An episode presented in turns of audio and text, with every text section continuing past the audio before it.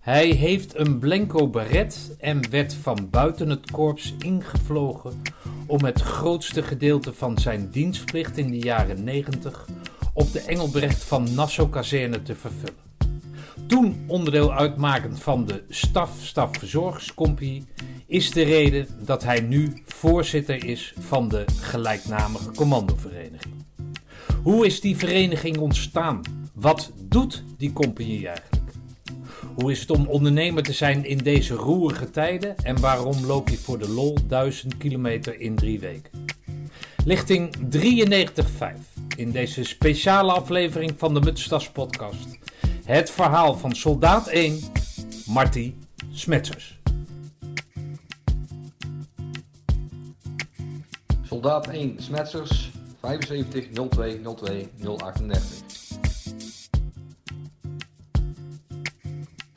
Marty, Ja, jij bent tatoeëerder. correct. Jij eh, bent dicht. Dat zou je kunnen scharen onder de maandag, hè, waar, waarin veel eh, ondernemers eh, gesloten zijn. Maar bij jou heeft dat een andere reden. Ja, dat klopt, ja. We zitten vol in de lockdown natuurlijk. En een contactberoep, ja, daar vallen wij ook onder. Oké. Maar mijn ex-vrouw, die is een masseuse. Niet de masseuse waar eh, Bert van der Ham dan aan denkt, maar gewoon een, eh, een eh, holistisch masseur. Ook een contactberoep. Hetzelfde afstand tot de cliënt. En die mag wel open. Waarom mag een, een tatoeëerder niet open zijn? Waarschijnlijk is dat omdat er een medische achtergrond of zo bij zit. En die mogen het dan wel. Kijk, eh, wij mogen bijvoorbeeld ja, een medical tattoo zetten, eh, littekens wegwerken, een, een, een 3D-tepel bij, bij vrouwen die eventueel een borstamputatie hebben gehad, zou ik wel mogen zetten. Maar als ik bij iemand een roos op zijn arm moet zetten, dan mag het niet. Dus de handeling is eigenlijk precies hetzelfde, alleen het valt nou net onder een ander, eh, onder een ander vakje. Oké. Maar, eh, en dat is het krommen van heel dit verhaal eigenlijk, van heel die lockdown. Kan je je daar iets bij voorstellen? Kan je erbij neerleggen? Schets jouw eh, gemoedstoestand is? Ik vind alles heel tegenstrijdig. Ik heb er ook heel weinig vertrouwen in, moet ik heel eerlijk zeggen. Alleen, eh, eh, het, het is wat het is. We moeten toch dicht. Het, we proberen ons hoofd maar even boven water te houden. Kijk, het click en collect gebeuren mag nog wel. Hè, Ja. Dus ik mag wel afspraken maken, mensen een aanbetaling laten doen, cadeaubonnen. Dat stukje kan gewoon door blijven gaan. Alleen eh, het tatoeëren zelf mag niet. Oké. Maar die gemoedstoestand? Ja, ik ben er, eh, ik ben er niet blij mee. Zal ik het zo zeggen.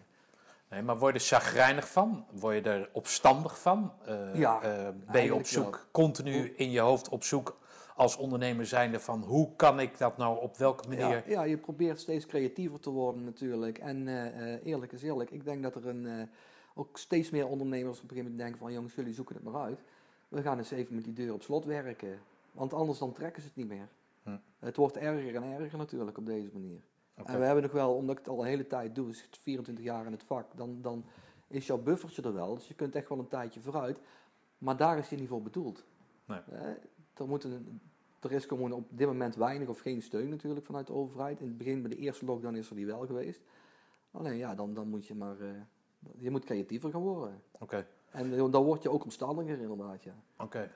Maar creatiever, waar, waar denk jij dan als tatoeëerder is een creatief beroep? Mhm, Nee, ik bedoel hoe je aan je centjes moet gaan komen. Nee, snap ik. Maar Ja, ik- het, ja. het- dus je bent creatief met je handen, denkwijze, maar zakelijk gezien creatiever. Waar denk jij dan zo 1, 2, 3 aan? Daar ben ik altijd zo benieuwd naar. Eh, de gordijntjes dicht en de deur op slot. Ja, oh, zo creatief. Ja. Ja. ja, gewoon met je kont tegen de krip. En, ja, oké. Als het langer gaat duren zo. En ik denk dat steeds meer ondernemers dat gaan doen. Kijk, voor een tatoeëerder of voor een kapper of een, een, een masseur of zo is het veel makkelijker. als, als een horecaondernemer. Een horecaondernemer die zit met zijn rug tegen de muur, die kan geen kant Maar op. kom even snel binnen, één biertje en eh, Ja, dan ja, via de achterdeur ja. Nee, dat werkt niet. Even een vluchtje QR-code laten scannen als je moet pissen en eh, Ja. en that's it. Ja, dat, dat werkt natuurlijk niet. Nee, oké. Maar voor ons is het makkelijker om te doen. Het is niet de bedoeling, maar mensen die worden die hoek wel ingedreven Ja, straks. oké. 24 jaar tatoeëerder. Hoe, hoe word je tatoeëerder? Of waarom word je tatoeëerder? Ja, weet ik veel. Ik, ik tekende vroeger al veel en, en eh, dat leek me gewoon een hartstikke leuk beroep. Ik liet toen mijn eerste tattoo zetten en ik vroeg eigenlijk hetzelfde aan de tatoeëerder van hoe, hoe, hoe word je nou tatoeëerder? En toen was het een, een vrij beroep en iedereen mocht daar eigenlijk worden. Hè? Er zijn geen opleidingen of niks voor. heb ik een adres gekregen waar ik mijn materiaaltjes kon bestellen. En eh, toen ben ik aan de slag gegaan. En eerst eh, kleine dingetjes doen en, en, en, en als, als hobby. En mijn hobby begon steeds meer werk te worden. En eh, toen ben ik minder gaan werken voor de baas. En eh, eh, meer gaan tatoeëren. En uiteindelijk is mijn hobby mijn beroep geworden. Oh, dat is mooi. Ja, en ik doe het nog steeds. Met fluiten naar mijn werk toe, geweldig. Oké. Maar als ik nou, ik had het toev- toevallig van de week met mijn vriendin over, dat ik vroeger van die modelscheepjes in elkaar zet, weet je, met lijm en weet ik van, nou, Ja, dan ja, zet je ja, hem klaar en dat is het dan. Dat is een hobby, daar heb je niks aan. Als je er klaar mee bent, dan flik je alles weg. Maar tatoeëren is, is redelijk, redelijk definitief, hè? De- de- Ja, ja, ja. Ja, Waar, waar oefen je dat dan op? ja eerst je vriendenkring uitdunnen. Oké, inderdaad. nee. Ja, ik, die jongens die bij mij gewerkt hebben, die laat ik ze ook altijd oefenen op een, op een grapefruit of zo. Of, of, eh, je moet natuurlijk eerst kunnen, kunnen tekenen, dat is een vereiste. Daarnaast dan, dan eh, moet je je apparaatje onder, onder eh, ja, tatoeëerapparaat onder Ja. de knie krijgen. Dus een, een, een trillend iets. En dan moet je met een trillend ding toch strakke lijnen kunnen zetten. Dus daarna begin je met kleine dingetjes iets inkleuren. eh, eh, ja, en, en het breidt zich steeds uit, wordt steeds groter. Oké, maar hoe deed jij dat toen?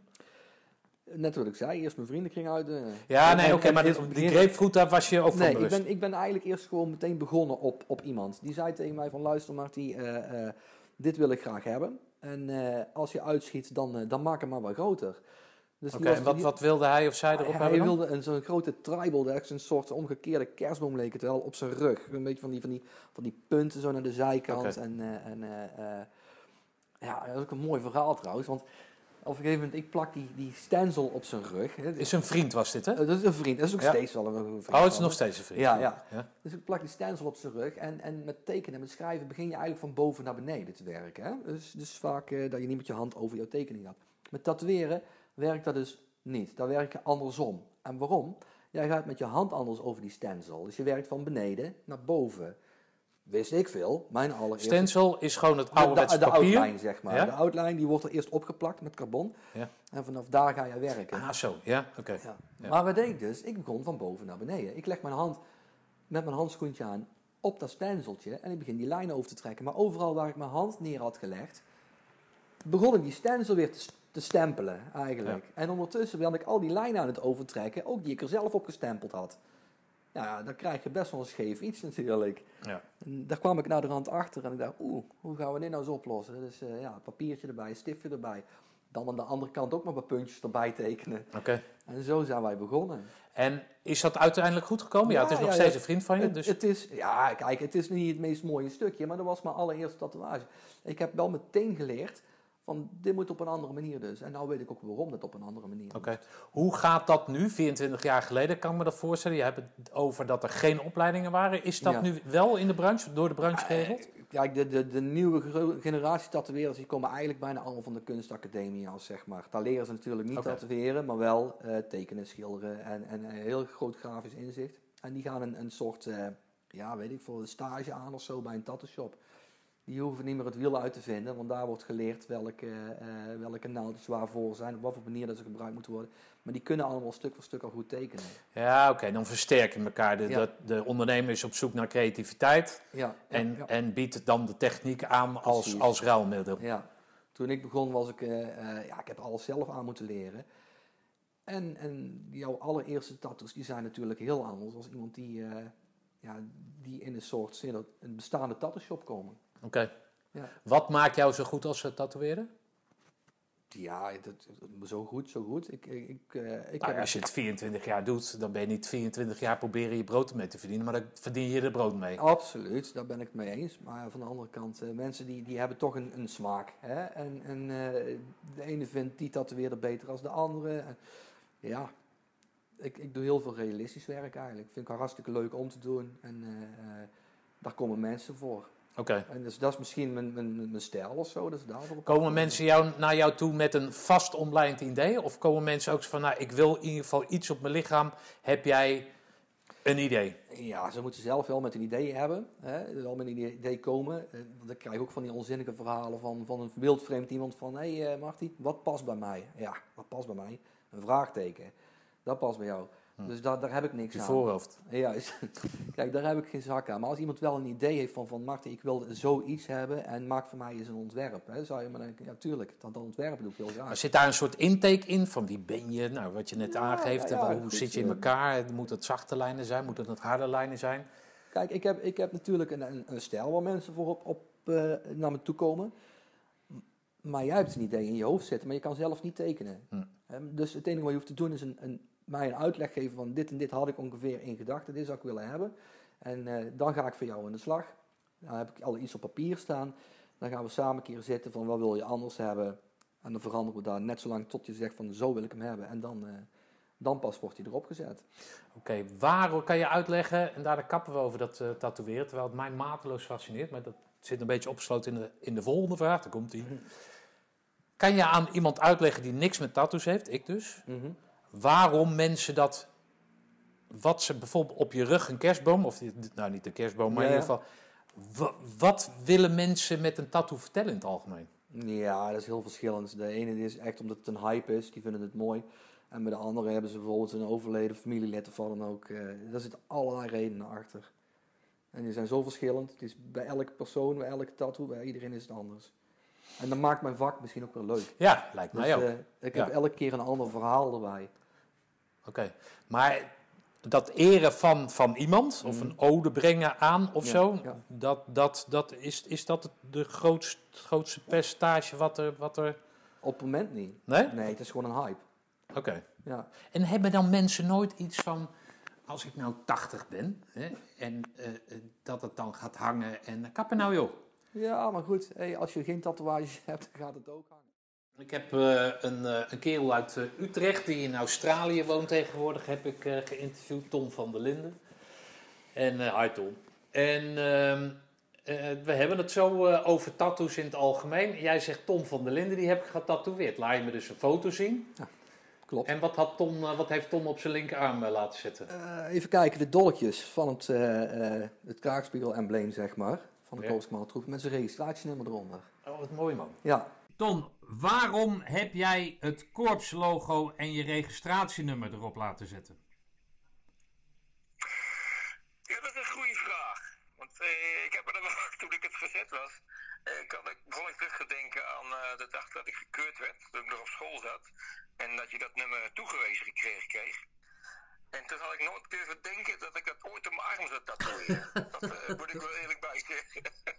Maar wat, zegt, wat, wat, wat wil je ermee zeggen, Tom? Wat wil jij daarmee zeggen? Ehm, m- met die registratienummer? Nou, gewoon met dat hele ding wat je op je arm hebt laten zetten. Wat betekent dat voor Eh, jou? nou, het, is, het is toch. Ik, ben natuurlijk, ja, ik ben natuurlijk maar anderhalf jaar in dienst geweest. Eh, ik ben geen beroeps wat dan ook geweest. Maar ik, ik heb eh, erg veel geleerd in die tijd. En het heeft me zeer zeker gevormd tot de persoon die ik nu ben. Dat heb ik eh, denk ik toen ook verteld. Het is, een, een belangrijke periode in mijn le- leven geweest.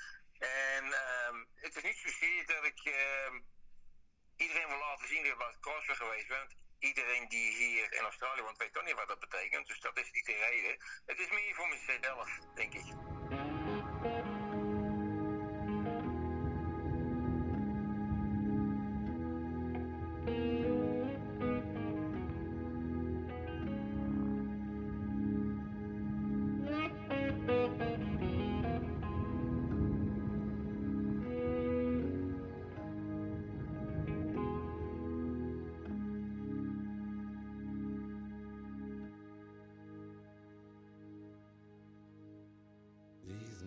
Covered mountains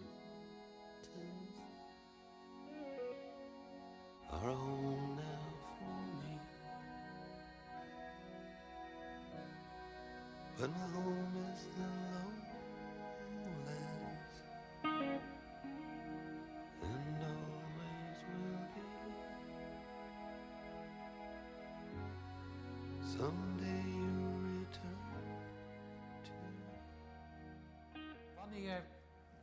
ben jij naar Roosendaal gegaan? eh 93. Ben jij eerst de ECO ingegaan, vooropleiding? Hoe, wat wat Nee. kan jij vertellen ben- hoe jij in Roosendaal terecht bent gekomen? Ehm, ik, ik zat toen de tijd bij de IBC 433, eh, de Infanterie Beveiligingscompagnie in, eh, in Breda. Als dienstplichtige. als dienstplichtige. En, en vandaar ben ik... Wat is dat dan? i- Wat, wat, wat de- doe je dan? Dat is dan eigenlijk eh, die overal die kazernes over, eh, over heel Nederland eh, beveiligen. Hè? En vanaf daar ben ik geplaatst in Roosendaal. En daar hebben we mee met, met de, ja, de, de oefeningen, ondersteuning en eh, beveiliging van tentenkampen. En zo is het allemaal. Zo, zo ben ik dus Oké, terechtgekomen. in, maar wij liepen ook wacht. Wat, wat, wat, wat, wat is het verschil daar dan in? ja, dus vertel mij het. Dit, dit is eigenlijk de compagnie, de, de infanteriebeveiligingscompagnie, is daar... Ja, nee, maar omdat jij vanuit daar overgeplaatst werd naar Roosendaal. Mhm. Maar jullie liepen toch niet bij de burgerwacht op, eh, op de kazerne zelf rond? Jawel, het, gewoon in het wachtlokaal. Oké. Eén keer de zoveel tijd moesten Ja, wij wachtlopen. Ja, dus die Oh, dat is natuurlijk tien jaar zit daartussen. tien jaar zit ertussen inderdaad. Ja, oké. Oké, dus tien jaar later werd die wacht echt speciaal gedaan door mensen die daarvoor opgeleid Ja. waren. Oké, Denk ik hoor, want, want ik was er natuurlijk in de jaren tachtig zat ik dan niet op de kazerne. oké. Dus jij liep wacht Mhm. en dat waar, was dan een vast tramien of zo? Zat daar een Da- vast da- rooster op? Daar zat een, eh, een- ja, je was gewoon bij de beveiligingscompagnie, werd je daarin, eh, eh, bij de wacht werd je ingedeeld eigenlijk. En daarnaast, dan, dan kon je met oefeningen ondersteunen. Oké. Dus Zo, zo, zijn wij, zo ben ik bij de stafcompagnie terechtgekomen. Oké. Dus dan zat jij met een aantal kerels op de kamer, waarvan jij dan bij de wacht hoorde. Maar daar sliep ook een kok dan of zo? Of kan je me dat schetsen wat voor, een- wat voor een gezelschap je met Ja, ja, brengen? eh, wij sliepen toen op de oude kazerne van, eh, van de Marge Dus ik sliep zelf niet op de, op de kazerne. Want Oh. er was toen geen plek. dus, eh, eh, maar bij ons waren het inderdaad... eh, eh, ja, het, het was een heel gemeleerd gezelschap natuurlijk. Oké. Dus alles wat bij de, de stafcompagnie viel, ja, dat was, dat was eh, eh, een kok. En, er was een, een- iemand die, die bij de technische dienst zat of zo. Of monteur of, of eh, chauffeur, van alles. Oké, maar om het dan zeg maar nog chaotisch te maken, sliep jij niet op de kazerne? Ja, er was toen de tijd was daar geen plaats op de kazerne, die zat Oké. er vol. En daar zat aan de andere kant van, van de snelweg, daar zat toen een oud gebouw van de Kamar. Oké, geen eh, idee. Nee, geen idee. Nou Nee. goed, en dat was, eh, eh, daar, daar hadden wij toen ook een kamertje. Oké, dus dan, als je dan wacht had, ja, dan, of als je, als je moest werken, dan ging je naar de overkant naar de en ging je daar je gingen even pitten. En dan, Oké. Maar voor de rest nam je dan wel deel aan het, aan het leven op de kazerne? ja, ja, ja. ja. Oké. Wat kan jij je nog herinneren? Nou, jij kan je veel herinneren, maar wat van, van, van die diensttijd, wat, wat, wat, hoe, hoe was die sfeer op die, op de kazerne? Je geeft aan dat je blanco bent dan. Jij bent dan zeg maar ook nog overgeplaatst van een, van een ander onderdeel daarheen. ja. Dus je, je, je, je, je hebt niet geroken aan bijvoorbeeld die ECO of, Mm. of op wat voor manier dan ook. Ja, we konden overal waar ik aan mee kon doen of zo. Hè, eh, eh, in, je- vrije tijd gingen we daar klimmen. Hè, met sporten. Eh, ik heb daar met mijn paaropleiding wel kunnen doen. Dus, dus we probeerden zoveel mogelijk mee te pikken hè, in mijn diensttijd. En, en het kameraadschap, ja, dat is me nog steeds eh, het, het meeste bijgebleven eigenlijk. Oké, een kameraadschap hele- die je zelf ervoer? Of? Ja, van, van al die jongens daar onder elkaar eigenlijk. Hartstikke mooie tijd gehad. Oké, Ik zou zo weer teruggaan. oké. Jij eh, eh, maakt melding van, of maakt melding. Je zegt wel dat, ehm, eh, eh, en dat vind ik dat je daar heel erg een, een, of een, een terecht punt mee hebt, is dat eh, er op die stafcompie altijd werd neergekeken. Ja, dus door de jaren is dat gelukkig wel veel minder geworden. Hè, maar mensen die hadden geen idee.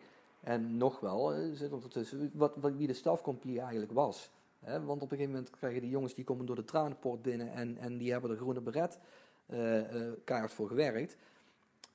Maar daarnaast dan vergeten ze natuurlijk wel in één keer hoe ze daar gekomen zijn. Nee, maar daar wil je mee zeggen, of de- zo vul ik dat dan in, Mhm. van dan denken ze in één keer, dat- hè, denk je in één keer, of denken we in één Dan, keer dat dan je wordt God er bent. anders gekeken naar de blanco in Ja. één keer. Ja, terwijl die ervoor gezorgd hebben dat jij je beret op kunt halen. En daar, daar, daar eh, ja, dat is niet fair. Ja. Dus eh Noem daar, eens een voorbeeld daar, daarvan dan. Eh, nou ja, gewoon niet weten wie, wie, eh, wie de stafcompagnie... Ik heb het wel eens gelezen, ik kwam het voorbij van stafcompagnie, nooit van gehoord. Of een blanco op de, groene, of op de, op de kazerne, nooit gezien. Nou jongens, dan, dan, dan kijken ze in het rond. Dus die hebben in de diensttijd hebben ze daar gezeten, maar geen idee eigenlijk wat er om hen heen gebeurt. Oké. En daar, eh, daar wordt weggewuifd. Eh, het, het, het grootste voorbeeld vond ik dus eigenlijk in 2012 met de grote reunie. Dat wij op de kazerne komen. Je hebt zo je diensttijd te volgemaakt, dus je mag eh, naar de reunie toe komen. En je kijkt rond en dan vraag je jezelf af van... hé, hey, eh, iedereen die staat op het sportveld voor het défilé eh, eigenlijk klaar. Om te, ver- maar waar staat de stafcompagnie? Niet. Daar stond gewoon geen fijn en geen bordje. Er was nergens, die, werden niet, die liepen niet eens mee met het défilé. Ja, en, en dan, dan, dan zakt mijn broek daar vanaf eigenlijk. Want, even ter verduidelijking, als je de reuniereglementen, eh, of tussen haakjes dan, eh, erop naslaat, Mhm. dan staat daar dat je groene beret moet zijn of minimaal zes maanden gediend moet Ja, hebben op ja. de Engelbrecht van Assen Dat kazerne. klopt, ja. Dan ben je gerecht om op die reunie te komen. Even resumerend, jullie, jij dan in deze, komt dan op die reunie op de- in 2012. Jij hebt daar een volledig term, dienstplichtig, eh, gediend op die, op, die, op die kazerne. En je mag nergens aansluiten. Nou ja, dat geldt voor, voor 80% van de stafcompagnie. Niet, niet eens per se, want er zijn natuurlijk ook jongens die bij de 104 hebben gediend of wat dan ook. En die lopen daar maar mee. Maar er is een hele grote groep, ehm, die, kunnen, die kunnen nergens aansluiten inderdaad. 80% of 90% zelfs denk ik, van, van de hele stafcompagnie is blanco. De overige 10% is wel groen. Oké. En, en die jongens die kunnen dus, die hebben keihard mogen werken. Die staan op de reunie zelf, zelfs het bier te tappen, dat iedereen gewoon lekker kan, kan drinken. Die hebben alles mee op mogen bouwen. En die jongens die mogen dan niet meelopen met een défilé. Of er wordt niet naar gekeken. Die, die, die, worden, die, hebben, geen, die hebben geen, geen, geen voetstukje om opgezet te worden eventjes. En de rest wel. Dat vind ik niet fair. Oké. Jij bent ondernemer, maar hè, in, in die twee uur dat ik hier nu zit, eh, weet ik wel een beetje hoe je in elkaar steekt. Jij zegt dan niet, nou, weet je wat, dan ga ik toch even wachten tot ze terug zijn. Of eh, dan eh, over vijf jaar is het misschien opgelost. Maar dan, eh, nou, je bent niet echt super breed, maar jij zet je schouders eronder. Ja. Op wat voor manier heb jij je schouders eronder gezet? Nou, ik kom daar een, een vriend van me tegen eigenlijk. Hetzelfde laken pak. Ik zeg tegen Mario, Mario Steenbergen, fijne gast. Even wegpiepen. Nee, grapje. Die, die, Levensgevaarlijk. levensgevaarlijk hier, levensgevaarlijk hier. En ik zeg, dat gaan we eens anders doen. En toen zijn wij een, eh, een Facebookpagina gestart. Ehm, voor iedereen van de stafcompagnie. En die hebben toen de, de, de reunistenvereniging eh, van de stafcompagnie, zeg maar, genoemd. En binnen no time zaten daar een, een 180 leden. Op Facebook dan, hè. Toen zijn we- Hoe hebben jullie dat dan uitgedragen? Hoe, hoe, hè, want ik weet door- hoe je dat dan op Facebook doet. En, en iedereen die kent Wat stond daar dan? Wat, wat, stond, wat was jullie slogan van sluit, ons, sluit je bij ons aan? Dat je bij het korps had gezeten? Ja, eigenlijk precies hetzelfde als bij, bij, bij elke andere vereniging, hè, commandovereniging. Je moet wel minimaal zes maanden gediend hebben binnen, de vereniging, of binnen, binnen het korps commandotroepen. Eh, en dan mocht jij dan lid worden van die pagina. Het is een besloten pagina, is het ook. En iedereen die kent natuurlijk wel iedereen, of eh, iemand. En, en zo werd die groep steeds groter. Ja, ja, dus de een brengt de ander aan. Ja, ja, Ja, zo, zo wordt het. eh, want jouw dienstkameraden van toen, die ken je ook nog. Nou, die schrijf je even aan. En die werd ook lid van die pagina. En op een gegeven moment werden wij groter en groter en groter. En toen zijn we door de Commandostichting benaderd om een, om een officiële commandovereniging eh, te worden. En, en zo zijn wij eigenlijk eh, op de kaart gekomen. Dus dat, wil, dat wil zeggen, als je een officiële ver- commandovereniging bent, dan krijg je ook weer een fijnjen. En onder dat fijnjen hebben we dus in 2017 voor de eerste keer in de geschiedenis défilé gelopen als staf, stafverzorgingscompagnie. Dus in 2007, in 2012 word jij getriggerd. Ja. Ben jij op je pik getrapt, om het zo maar te zeggen? nou ja, toch? ja, goed. eh, Nou ja, nee, maar je zet je schouders eronder. Je Ja, vindt het ja. onterecht. En dan in 2017, na 75 jaar, eh, is eh, er eindelijk een, een, een, een eigen peloton of een eigen afdeling die zelfstandig meeloopt Ja. binnen, Ja, binnen de, hoe noem je dat? Een défilé. binnen het ja. Wat, wat, wat krijg je dan voor reacties van die kerels zelf? Eh, eerst eh, rare gezichten natuurlijk. Het is allemaal een beetje onwennig. Want het zijn nooit net, ja, moet je voorzichtig benaderen, hè, bange hertjes. Maar eh, eh? De, de. Ja, dat zijn de stel bange hè. Nee, ja, nee, maar wat, hoe, hoe Nee. gaat dat dan? Voel je een band? Dat, eh, Ja, tuurlijk. Ja, ja, hetzelfde als elke andere onderdeel, denk ik. Die jongens die hebben ook allemaal samen gediend. En, en ook op uitzendingen geweest of wat dan ook. Die, die, die hebben dan niet uit de neus lopen vreten. nee. nee, maar ik Dus doel, die- een beetje, ik doel een beetje op die dienstplichtigen van toen. Ja, Zeg maar, waar jij je dan, hè, die jij dan bij, en met, samen met Mario Mhm. bij elkaar hebt gebracht. Wat is dan, wat is dan, die, wat is dan die spirit daar? het is, het is diezelfde verbindenis eigenlijk als, als wat jullie ook gehad hebben. er is, het is gewoon een stukje broederschap. Het is een, een, een eh, eh, ja, je hebt diezelfde dingen ook meegemaakt. Je hebt daar ook op die kazerne rondgediend, eh, rondgewandeld. eh, ehm, ja, wat, wat, wat, wat is het anders dan bij jullie? Nee, ja, nee. Nee, Kijk, dat- dat nee, laat, ik. laat ik me verduidelijken. Zoals ik het nu zie, hè, Mhm. aanschouw, eh, tot, me, tot me krijg van wat er nu allemaal gebeurt, is... Ik heb Richard Bergmans, daar vertelde je, heb ik, heb ik geïnterviewd. En die vertelt over de missies die hij gedaan heeft, waar men dan met verschillende onderdelen gaat opwerken. Ja. En dat ieder zijn specialisme heeft. Dus niet alleen binnen een commandoploeg heeft iemand een specialist, maar, maar daarbuiten worden mensen bij elkaar gevoegd. Allemaal specialisten om tot één eh, uitwerking te komen. Mm. Dan maakt het in die teams maakt het dus geen fuck uit of je nou kennelijk een groen beret hebt of niet. Nee, precies. Ja. In onze periode was het natuurlijk geen oorlog, waren er geen missies. Snap je? Dus dan kan je als groene beret doen alsof je Johan Cruijff bent. Maar je kan het nooit bewijzen Ja. dat je Johan Cruijff bent. Nou, we zijn natuurlijk eh, eh, ook als dienstplichtig daar geweest. En, en ook in toen tijd was er van alles wereldwijd aan de gang. Alleen als dienstplichtige, denk dat je daar heel weinig van meegekregen hebt.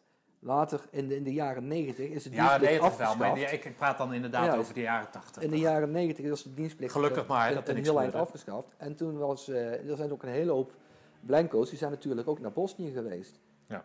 Dus, dus eh, eh, ook, er zitten bij ons, in onze groepen zitten behoorlijk wat veteranen tussen. Ja.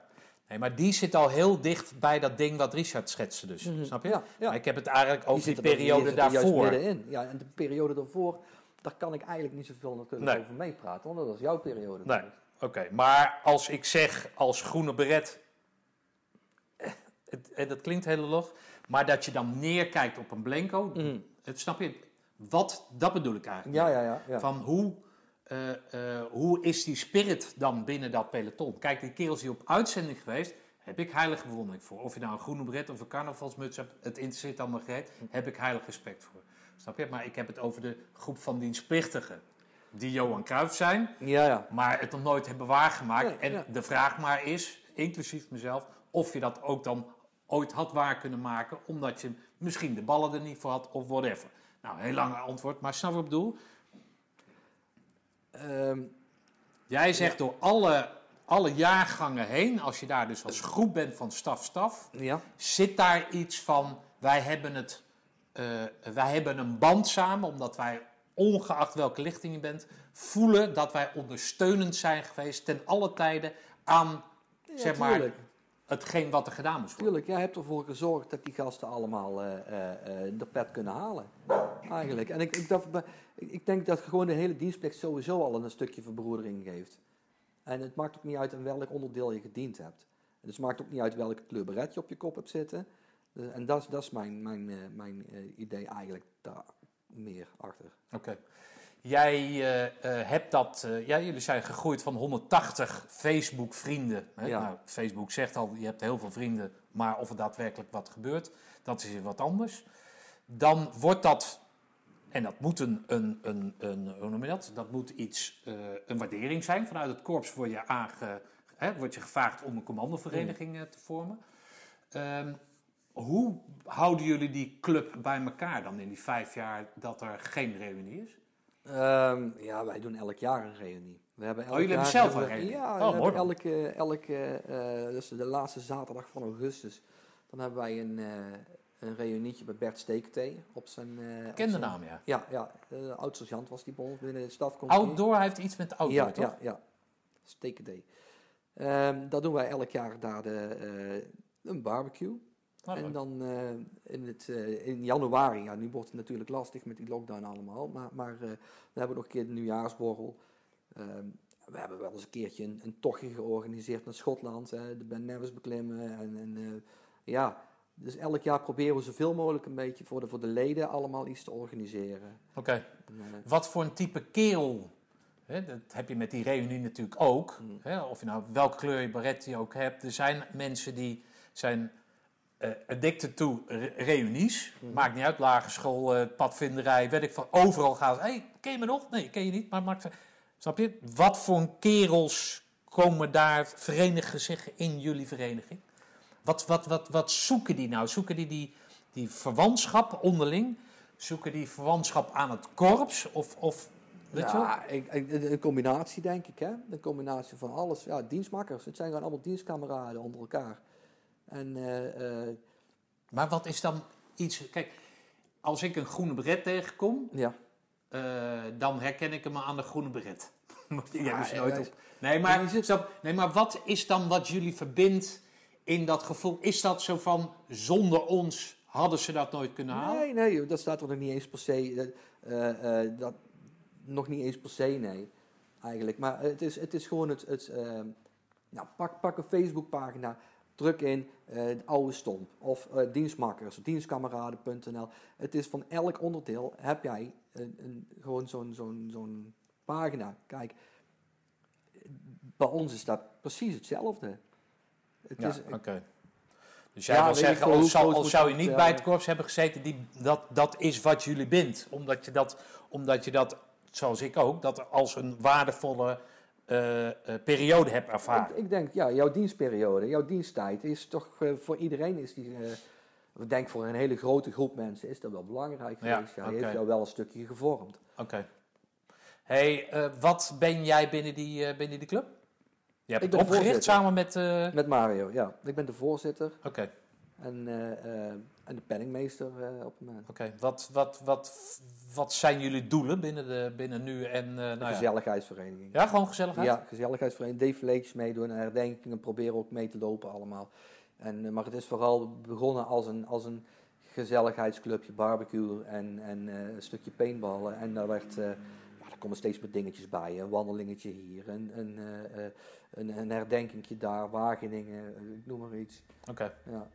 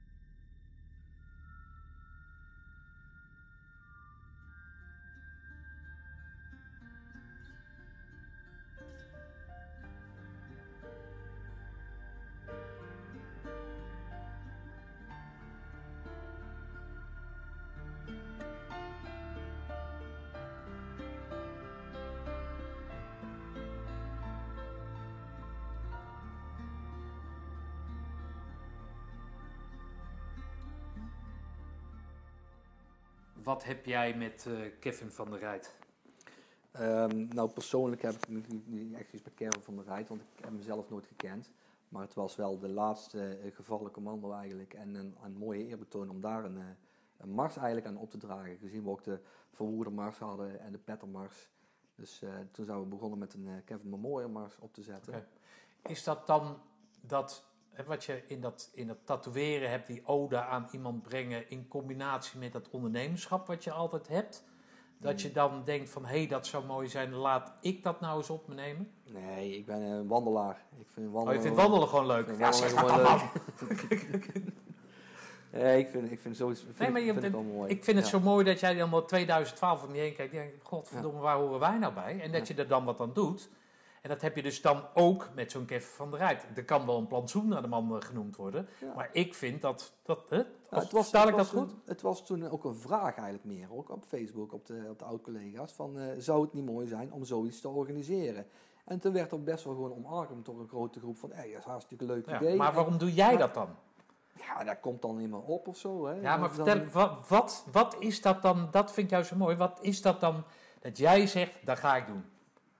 En niet zeggen van, hé hey Henk, jij moet het doen. Want ik heb Nee, jou ja, eh, die ik- kerstboom op je rug gezet. Dan mag je ook eens een keer wat terug Ja, maar luister, op het moment als ik daar een leuk idee vond, of wat dan ook, wie moet het, waarom moet ik het dan een ander la- gaan organiseren? Ik stel die vraag van, zou dat geen mooi idee zijn? En dan zou ik het een ander laten organiseren, dat is toch bullshit? Dan moet je dan toch ook zelf pakken? Ik kan er wel, eh, hey, weet je wat mooi is? Hij zou, eh, eh, en dan zelf niks doen. Dat, dat schiet niet op. Nee. Nee, nou. Ja, dat, dat is dan de reden, denk ik. Daarom Ja, heb ik het zelf gedaan. Oké. En wel in, in samenwerking met, hè. Oh, ik heb natuurlijk... Nee, natuurlijk. zelf- Maar iemand moet het Ja. idee hebben. En iemand moet zeggen van, hè? Toch of nou, niet? Het idee, we hebben eerst het idee dus Ah, eigenlijk je kent dat toch wel op een, op een verjaardag. Dan, dan zit jij naast een kerel of een vrouw. En hey, ben je nog op vakantie geweest? Nou, weet je wat mij nou zo mooi lijkt? Een bed and breakfast.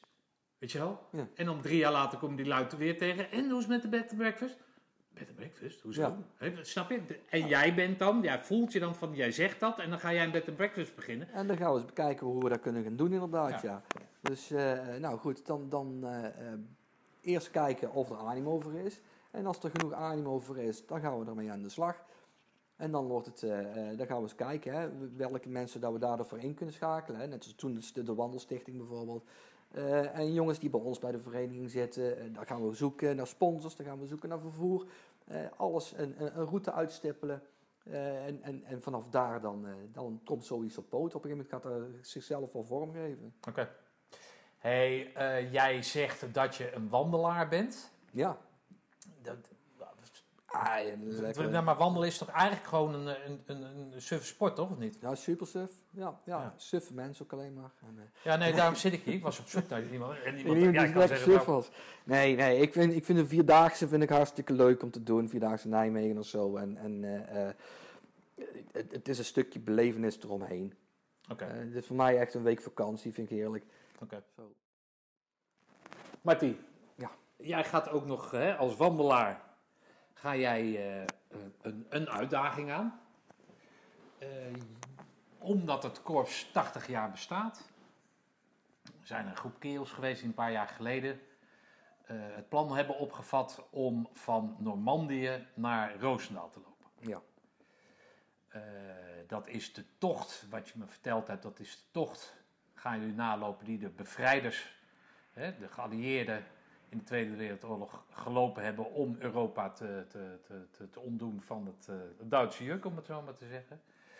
Dat wordt een tocht van 20 dagen, 50 kilometer per dag. ja, een monstertocht van 1000 kilometer. Wie doen daar aan mee? Eh, allemaal ex-oud-commando's, eigenlijk. Oud-KCT, die, eh, die lopen die tocht. Eh, dat is een, een, een, ja, een flinke tocht. Die tocht die, die, eh, die moet natuurlijk bekostigd worden. Daarnaast zit er een goed doel aan vast. Wij betalen allemaal zelf 3500 euro per persoon om de tocht te bekostigen. En daarbovenop proberen we voor het Betere Spierfonds eh, eh, ieder op zijn eigen manier nog een flink bedrag aan, aan, aan donaties binnen te halen. Dus de ene doet het met, met de verkoop van, van vlaggen, stickers, gewoon met de collectebus rondgaan. Ik heb er een, zelf heb ik er een doneeractie aan vastgemaakt. Oké. Eh, dus iedereen die kan, die kan eh, een x-bedrag eh, naar, naar, naar eigen eh, daarop doneren. Al is het een euro per persoon, zeg maar. Stel je zou een heel korps daarmee kunnen bereiken. En ze doen allemaal een eurotje of vijf euro of tien Nou, dan euro. je, Dan heb je een flink bedrag. En dan, daar, daar, dan heb je een mooi bedrag om daar... ja, voor het goede doel eigenlijk. Ja. eh. Ja, want ik begrijp dat als jij bijvoorbeeld in loondienst bent, dan moet je een maand zien te overbruggen. ja, ja. Dat kost vakantiedagen, je moet het thuis even regelen. Ja, jongens, papa gaat even een eh, maand weg. Nou is het met je, je zoon kwam net binnen, dus daar hoef jij het niet aan uit te leggen. Die is denk ik Nee. misschien wel blij dat je even, even, Even liever bent. Dus, eh, bent, ja. ja, toch? En eh, al die kerels die, die doen dat allemaal eh, apart. En dan alle meeopbrengst gaat naar dat mooie Het eh, gaat naar eh, het, eh, naar het goede doel inderdaad, ja. Kan jij eens vertellen op wat voor manier je dan voorbereidt als je 20 dagen achter elkaar dat als doel hebt 50 kilometer per dag te lopen? Eh, we proberen natuurlijk zoveel mogelijk kilometers te maken. Hè? Eh, dus, dus er zit een. een eh, eh, je moet een, sowieso een duizend kilometer gelopen hebben, eh, in de benen hebben om, om mee te kunnen lopen. Dat is gewoon jouw, jouw, jouw trainingskilometers. Nou, ja, dat gaat elk weekend wordt er een tochtje georganiseerd van 40 tot 50 kilometer. Eh, of een weekend ooit. Hebben we een alternatieve vierdaagse hebben we gelopen. Eh, zelf loop ik sowieso elke dag eh, zo'n zo'n kleine 20 kilometer om, eh, om een dagelijkse training te Hoe doe je pakken. dat dan? Woon-werkverkeer, zeg maar. Ik ben nu op dit moment wel gesloten, maar ik heb hier nog voldoende dingen te doen. Oké, dus jij zegt dat jouw woon-werkverkeer waar je anders met de auto of met de fiets of Ja, weet ik doe ik veel nu doet, lopend. Dat doe je nu Ja, lopend. net als nu ook. Ik ben hierheen gelopen, eh interview en dan direct eh, dan wandel ik weer terug. Oké, dus jij loopt dan, waar woon jij? Ik woon in Oorschot. Oké, hoeveel kilometer is dat dan? Nou ja, dat is Nou ja, dat is natuurlijk de route, maar ik zit gemiddeld rond eh, de 15 eh, tot 20 kilometer per dag. Dat is wel een hele gezonde manier van leven wat je aan hebt gemeten dan. Ja, ja wel bijna verplicht natuurlijk, hè? want het is niet zomaar een weekendje, eh één keer in de week eh, een oefeningetje doen van 50 kilometer, maar om die dagelijkse belasting zeg maar eh, te trainen, dan, dan leek mij dit voor mezelf een hele goede manier om te trainen. Andere kerels doen dat ook op die manier. Veel wel, ja. ja. Oké. En je, moet zelf, je bent zelf natuurlijk verantwoordelijk voor, voor, jou, voor jouw training. Ja. Eh, naast die, die, die gezamenlijke oefeningen in het weekend, eh, Ja. die oefent toch? Maar dat, dat, dat, die gezamenlijke oefening in het weekend, iemand met een gemiddeld gezin zeg maar, ja, nou zijn het natuurlijk allemaal een beetje kerels van onze leeftijd. Mhm. Ik ben dan wel tien jaar ouder, maar hè, die de kinderen, als ze kinderen hebben, die zijn al wat ouder natuurlijk. Eh, maar het legt toch al een, een beslag op het, eh, op het, op het familieleven dan. Ja, absoluut. is, dus die in moeten ieder er geval de hele zaterdag of zondag is die weg. Die moeten daar natuurlijk ook achter staan. Oké. Dus het is niet alleen, eh, alleen jijzelf die daar gaat lopen, maar ook jouw familie die moet, die moet ermee eens zijn dat jij daar zoveel tijd in Hoe steekt. werd dat bij jou thuis ontvangen dan? Nou, eigenlijk heel goed. Ik, eh, ik dacht eerst van ze zal het er niet mee eens zijn. Dat ik daar drie weken weg ben, maar die pakten het op. Zei, oh, dat moet je doen, man. Dat is hartstikke mooi. Echt iets voor jou. En, en eh, dat is een, een eenmalige kans. Gewoon doen. Dus die stond er echt 100% achter. Oké. Geeft jou dat niet het gevoel van, eh, ze heeft liever dat ik weg ben of een tijdje? Of hoe zit dat? Nee, nee, nee. Ze, ze, ze weet zelf goed precies hoe dat ik in elkaar steek. En, en als er zoiets... eh, het is een heel avontuur. En daar, daar, daar gunt ze me van harte. Oké. Hoe is die, kan je eens vertellen hoe dat, hoe dat die groepsband is? Want als je dat zo'n avontuur met elkaar aangaat, dan moet je ja, met 15 man in je eentjes moet je natuurlijk met mentaal, hè? want dan moet je de hele tijd tegen ja, je kan het jongen, je kan het, je kan het, je kan het. Maar als je met z'n 15 bent, dan moet je natuurlijk ook aangesloten blijven lopen en, eh, en dat soort zaken. Hoe is die Ja. groeps, eh, groepsband? Die, die wordt, daar zijn die, die weekendtochten zeg maar voor. Ja. Die wordt alleen maar beter. Je leert elkaar kennen. En, en iedereen die zit wel even in zijn bubbel, dat je even doorheen zit. Maar het is net als met een vierdaagse bijvoorbeeld. Je steunt elkaar, je draagt elkaar ook. Hè? Als de ene het wat moeilijker heeft, dan wordt hij eventjes aan het tokkeltje meegenomen, bij wijze van. En eh, ja, iedereen die heeft zo zijn momenten. Die, die groepsband die wordt steeds sterker, steeds, steeds hechter ook.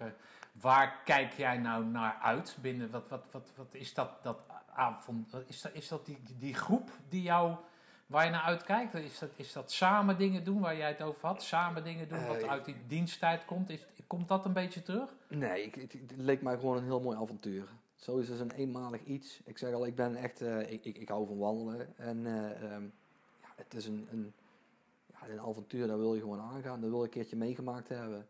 Oké. En nu kan het, dus waarom zou ik het niet doen? Als je al zo lang met elkaar bezig bent, zijn daar vriendschappen uit ontstaan? Ja, tuurlijk. Ja, ja en die zullen alleen maar hecht worden. Oké. Dus die, eh, die, eh, ja, je leert elkaar elke keer kennen. En eh, er zijn alle, allerlei verschillende leeftijden, verschillende lichtingen zijn het. Maar het is dan wel weer één. En Ja. ik denk dat op het moment dat wij straks naar Normandië gaat, dan, dan als je in die bus stapt, dat ook in één keer één kliek is. Het is ook één groep. Dat merk je nu al, hè. Maar dat wordt alleen maar beter. Oké. En er zal heus wel een keer iets onderweg gebeuren. Dat is nou eenmaal zo, dat zal altijd komen. Maar ook daar kom je weer sterker uit. Oké.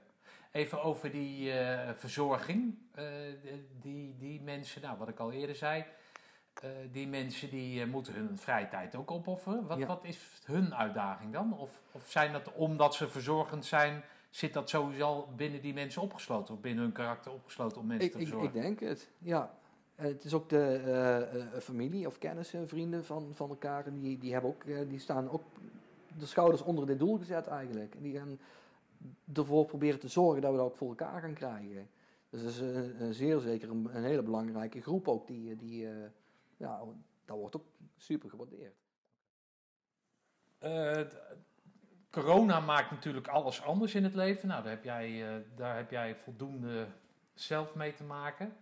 Maar de tocht ook, hè? Ja, ja, je moet natuurlijk voldoen aan alle eh, vaccinaties en je QR, want anders kom je in bepaalde landen niet eens meer binnen. hè. Ja, nee, maar ik bedoel meer eigenlijk, jullie zouden op de korps, eh, op de korpsreunie zouden jullie aankomen, die op 22 maart was. Maar Ja. vanwege COVID is die verplaatst Is die naar verplaatst, ja. 21 mei. Ja. Dus jullie komen op 22 maart, komen jullie Roosendaal, komen jullie, eh, komen jullie binnen. Dat is wel jammer, of niet? Ja, ja, tuurlijk. Tuurlijk is dat jammer. Oké, Van de andere kant hebben we natuurlijk genoeg herstelperiode om lekker mee te kunnen feesten. Want ik kan me ja, voorstellen dat is dan eh, ook wel weer waar, ja. Weet jij of, of er dan op 21 mei nog iets van een dingetje, dat jullie dan toch nog op een of andere manier worden toegejuicht? Of... ik, ik denk het wel. Ik denk dat we als, als groep dan apart binnen zullen komen nog een keertje. Want het is ook niet op de kazerne deze keer, Nee. maar op het, eh, op het voetbalstadion. Ik denk dat ze daar wel op een bepaalde manier dat ze daar wel in gaan pakken. Ja, dat zou wel leuk zijn. Ja, inderdaad. ja, dat. Dat, dat, eh, dat verdienen jullie eh, ook, eh, ook wel. Goh, dat, is, dat moet een domper zijn, lijkt mij. Ja, Hoe werd dat door de groep opgepakt? Ja, het is Ja, niet anders natuurlijk. Precies, daar is het dan weer. Hè? Ja. Het is wat het is. En eh, daar kun je moeilijk een hele tocht voor gaan verplaatsen weer. Ja. Dus dan, dan eh, ehm, goed, dan komen wij daar en dan binnen op, op, eh, op 21 maart of 22 maart. En dan, en dan zullen wij eh, eh, op de korpsverjaardag zeg maar weer op een andere manier binnenkomen. Weer hetzelfde groepje. Ja. Dus meer voor het oog. Hè? Ja, oké. Wat wil ik nou nog meer weten? Ehm.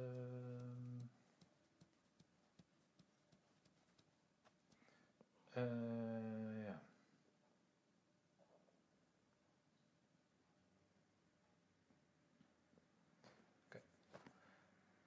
Even, naar het, eh, even naar het einde. Hoe trots ben jij dat je bij het KST gediend hebt? Eh, ja, super. Dat heeft mij eigenlijk best wel eh, gevormd, zal ik het zo zeggen. Ik was vroeger van school naar school, ben ik van twee scholen afgestuurd. Dus ik was niet de meest makkelijke. En toen kwam ik daar terecht en zei mijn vader van, daar zullen ze jou wel recht trekken, jongen. En dat is ook gelukt, eigenlijk.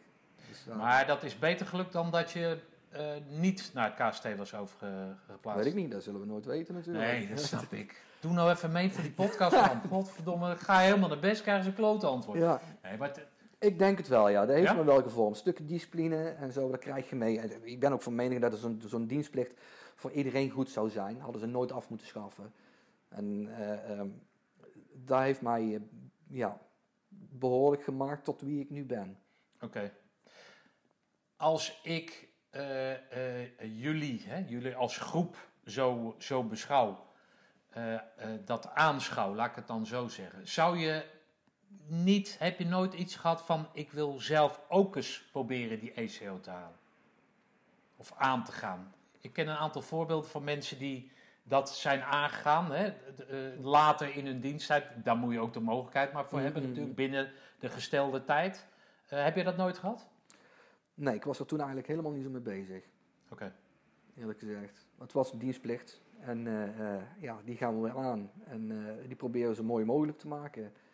En achteraf dan denk je wel van, ja, had ik dat toen moeten doen? Had ik dat toen moeten doen? Maar ja, da- da- daar heb Nou ja, in je... ieder geval proberen. Ja, maar achteraf, daar heb je niet zoveel aan, denk ik. Dus, Nee, de- ja, het is de, de koe in, de, in zijn kont kijken, inderdaad. en ik heb het ook prima gehad zoals ik nu heb gehad. Dus een hele mooie tijd. En, en ik geloof niet dat dat heel anders eh, zou zijn als ik het... eh, nee, ik, ik heb van alles dan meegemaakt. COV, Stafstaf Verzorgingscompagnie. Dat is eigenlijk onze eigen vereniging. Daar hebben we het al over gehad. Vond ik, eh, vind ik belangrijk. Eh, want we hebben dus toch in mijn ogen een stukje geschiedenis geschreven door, door met onze, onze vereniging de stafcompagnie lekker op de kaart te kunnen krijgen.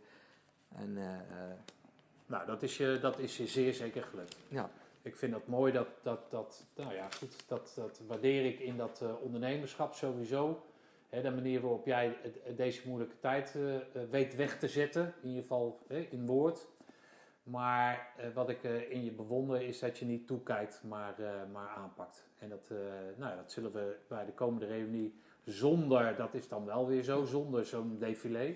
Maar daar heb jij eh, met Mario, eh, bent daar eh, de basis van geweest. Ja dat, dat ben ik van mening inderdaad, ja. Dat de ogen open gegaan zijn, ook binnen het korps. Ja. Van dat die jongens het allemaal stuk voor stuk, zeker gezien dat er een, een grote groep gewoon veteranen tussen zitten, die eigenlijk even hard hebben gewerkt als die jongens die toen de tijd wel de beret hebben mogen halen. Eh, die, kun je niet, eh, die kun je niet wegwuiven. Nou, dat was hem dan weer. Martin, dank voor je verhaal. Naast de gebruikelijke wens tot gezond blijven, wens ik jou zakelijk veel geluk toe. En ik ga ervan uit dat je die duizend kilometers weet uit te lopen. Succes en ik zie je op de reunie.